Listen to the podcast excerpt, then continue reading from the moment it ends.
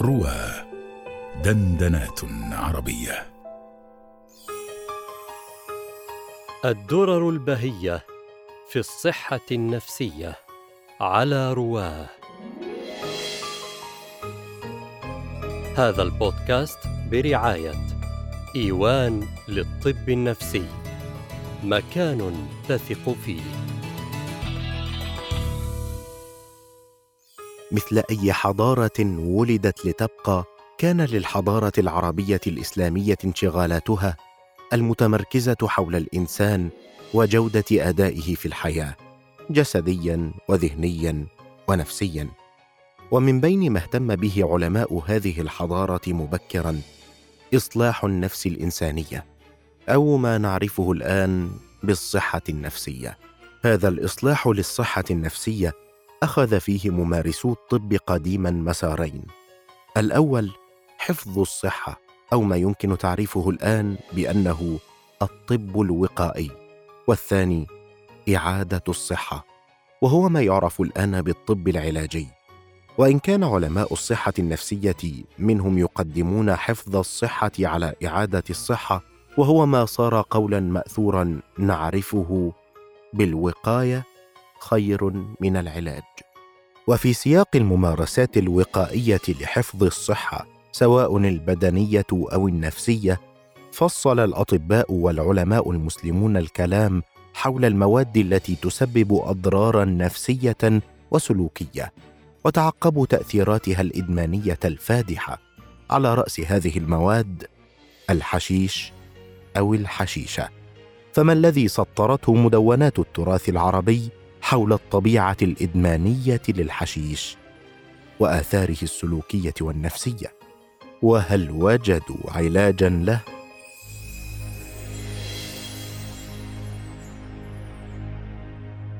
توسع انتشار الحشيش للاستخدام الشخصي في العالم الإسلامي في القرن السابع الهجري. قبل ذلك ومنذ ما قبل الإسلام بقرون كان معروفا في الصين القديمة والهند وفارس. وكان غالب استخدامه للأغراض الطبية. لذا قلما نجد تطرقا إليه في المصادر قبل هذه الفترة. ومن ذلك ما ذكره أبو بكر الرازي بإيجاز عن النبات الذي يستخرج منه الحشيش. أكل ورق الشهدانج البستاني أحد أسماء القنب الهندي.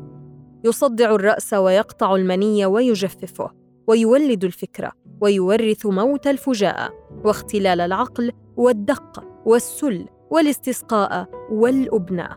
أما أغلب الكلام التفصيلي عنه في المصادر العربية كمادة مخدرة مفترة فنجده في المصادر المكتوبة من القرنين السابع والثامن الهجريين فصاعداً.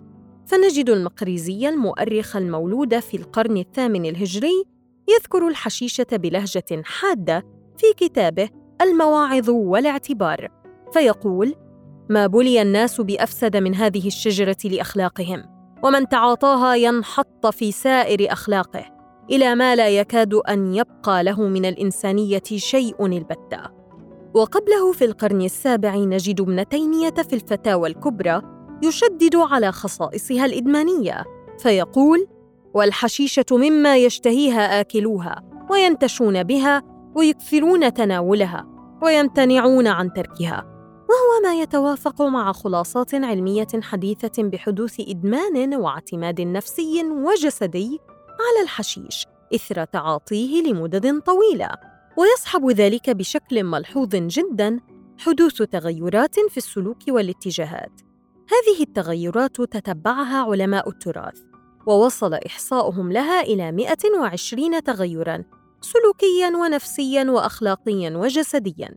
كثير منها صادم ويفسر الكثير.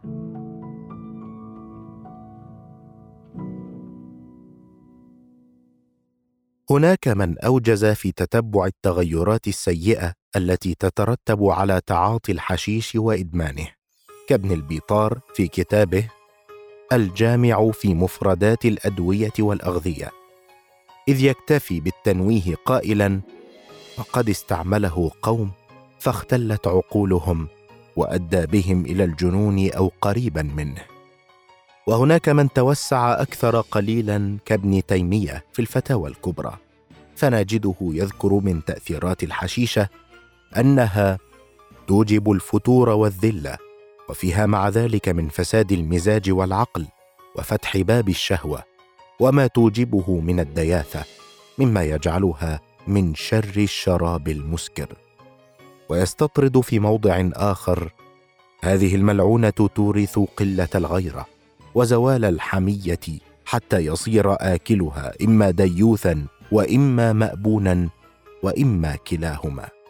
وفي المستوى الأعلى من التناول نجد من أفرد مؤلفات كاملة للحديث عن الحشيش وأصله وتأثيراته الضارة تمهيدا للكلام عن أحكامه الفقهية. كما فعل بدر الدين الزركشي في كتابه زهرة العريش في تحريم الحشيش.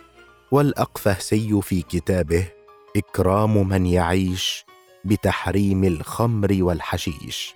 وأبو بكر القسطلاني في كتابه إتمام التكريم لما في الحشيش من التحريم.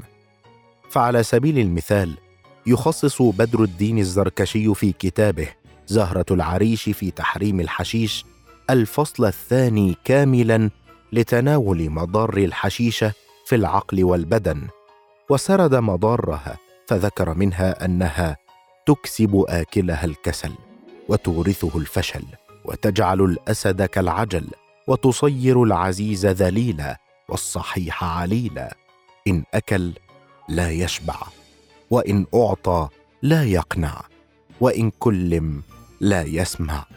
تجعل الفصيح ابكما والفصيح به ابلما تسقط المروءه وتزيل الفتوه ثم إنها تفسد الفكرة وتبلد الفطره وتخمد الفطنه وتولد البطنه تجعل الأكل فنه والنوم له مظنه.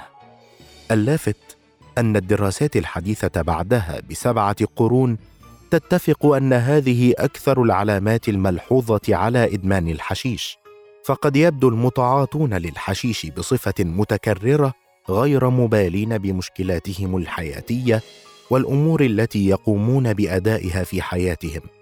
وغالبا ما تتمركز اهتماماتهم الحياتية في الحشيش وقد يصل الأمر إلى العزوف عن جميع الأنشطة والأحداث الاجتماعية التي تتعارض مع تعاطيه. وقد تبدو شهية المتعاطي أيضا مفتوحة بشراهة وقد يحدث لدى المتعاطين بكثرة زيادة في الوزن نتيجة لتناول الكثير من المأكولات الخفيفة الفاتحة للشهية المرتبطة بالتعاطي. فضلا عن النزوع إلى الثرثرة والاسترخاء مع فقدان الإدراك الزمني والاختلال المعرفي. وفي حالة التعاطي المنتظم على المدى البعيد يؤدي الحشيش إلى انخفاض الدافعية وضعف التركيز والتنسيق وبطء الاستجابة وربما البارانويا والاكتئاب والتقلبات المزاجية. ولا يتوقف رصد الزركشي للآثار الضارة للحشيش عند الأعراض المذكورة وإنما يتجاوزها إلى المضار البدنية فيذكر منها أنها تفسد العقل وتقطع النسل وتولد الجذام وتورث البرص وتجلب الأسقام وتكسب الرعشه وتنتن الفم وتجفف المني وتسقط شعر الأجفان وتحرق الدم وتحفر الأسنان وتظهر الداء الخفي وتضر الأحشاء وتبطل الأعضاء وتضيق النفس وتقوي الهوس وتنقص القوى وتقل الحياء وتصفر الألوان وتسود الأسنان وتثقب الكبد وتوهج المعدة وتولد في الفم البخر وفي العين الغشاوة وقلة النظر وفي المخيلة كثرة الفكر.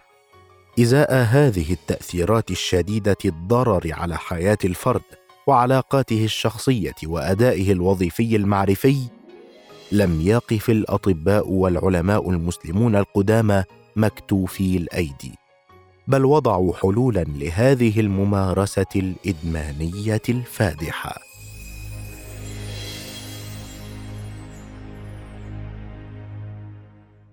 قدم الأطباء المسلمون القدامى طرقاً عدة لإبطال مفعوله والخلاص من تأثيره، حتى من قبل ذيوع انتشاره وتعاطيه على المستوى الفردي في القرنين السابع والثامن الهجريين، فنجد الطبيب الشهير يحيى بن ماسويه في القرن الثالث الهجري في كتابه تدبير أبدان الأصحاء. ينصح بأن الإنسان إذا أراد أن يتخلص من تأثير أكل الحشيشة أو تعاطيها وأحب أن يفارقه فعلها فليقطر في منخريه شيئا من الزيت وليأكل من اللبن الحامض.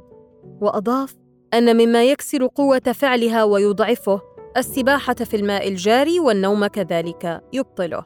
ومن بعده نجد الصيدلاني الشهير ابن البيطار المولود في القرن السادس الهجري في كتابه الجامع في مفردات الأدوية والأغذية يذكر أن الإنسان إذا خيف من الإكثار من الحشيش فليبادر إلى القيء بسمن وماء ساخن حتى تنقى منه المعدة مع شرب الحامض فهو في غاية النفع له. هكذا كل ما كان يمكن أن يؤثر سلباً على حفظ الصحة الإنسانية سواء البدنية أو النفسية فصل الأطباء والعلماء المسلمون الكلام حوله وحول أضراره المواد النفسية والسلوكية والجسمية. بل وتعقبوا تأثيراته ووضعوا وصفات لعلاجه والتخلص من أضراره لأن سلامة الحضارة لا تتم دون سلامة إنسانها الباقي.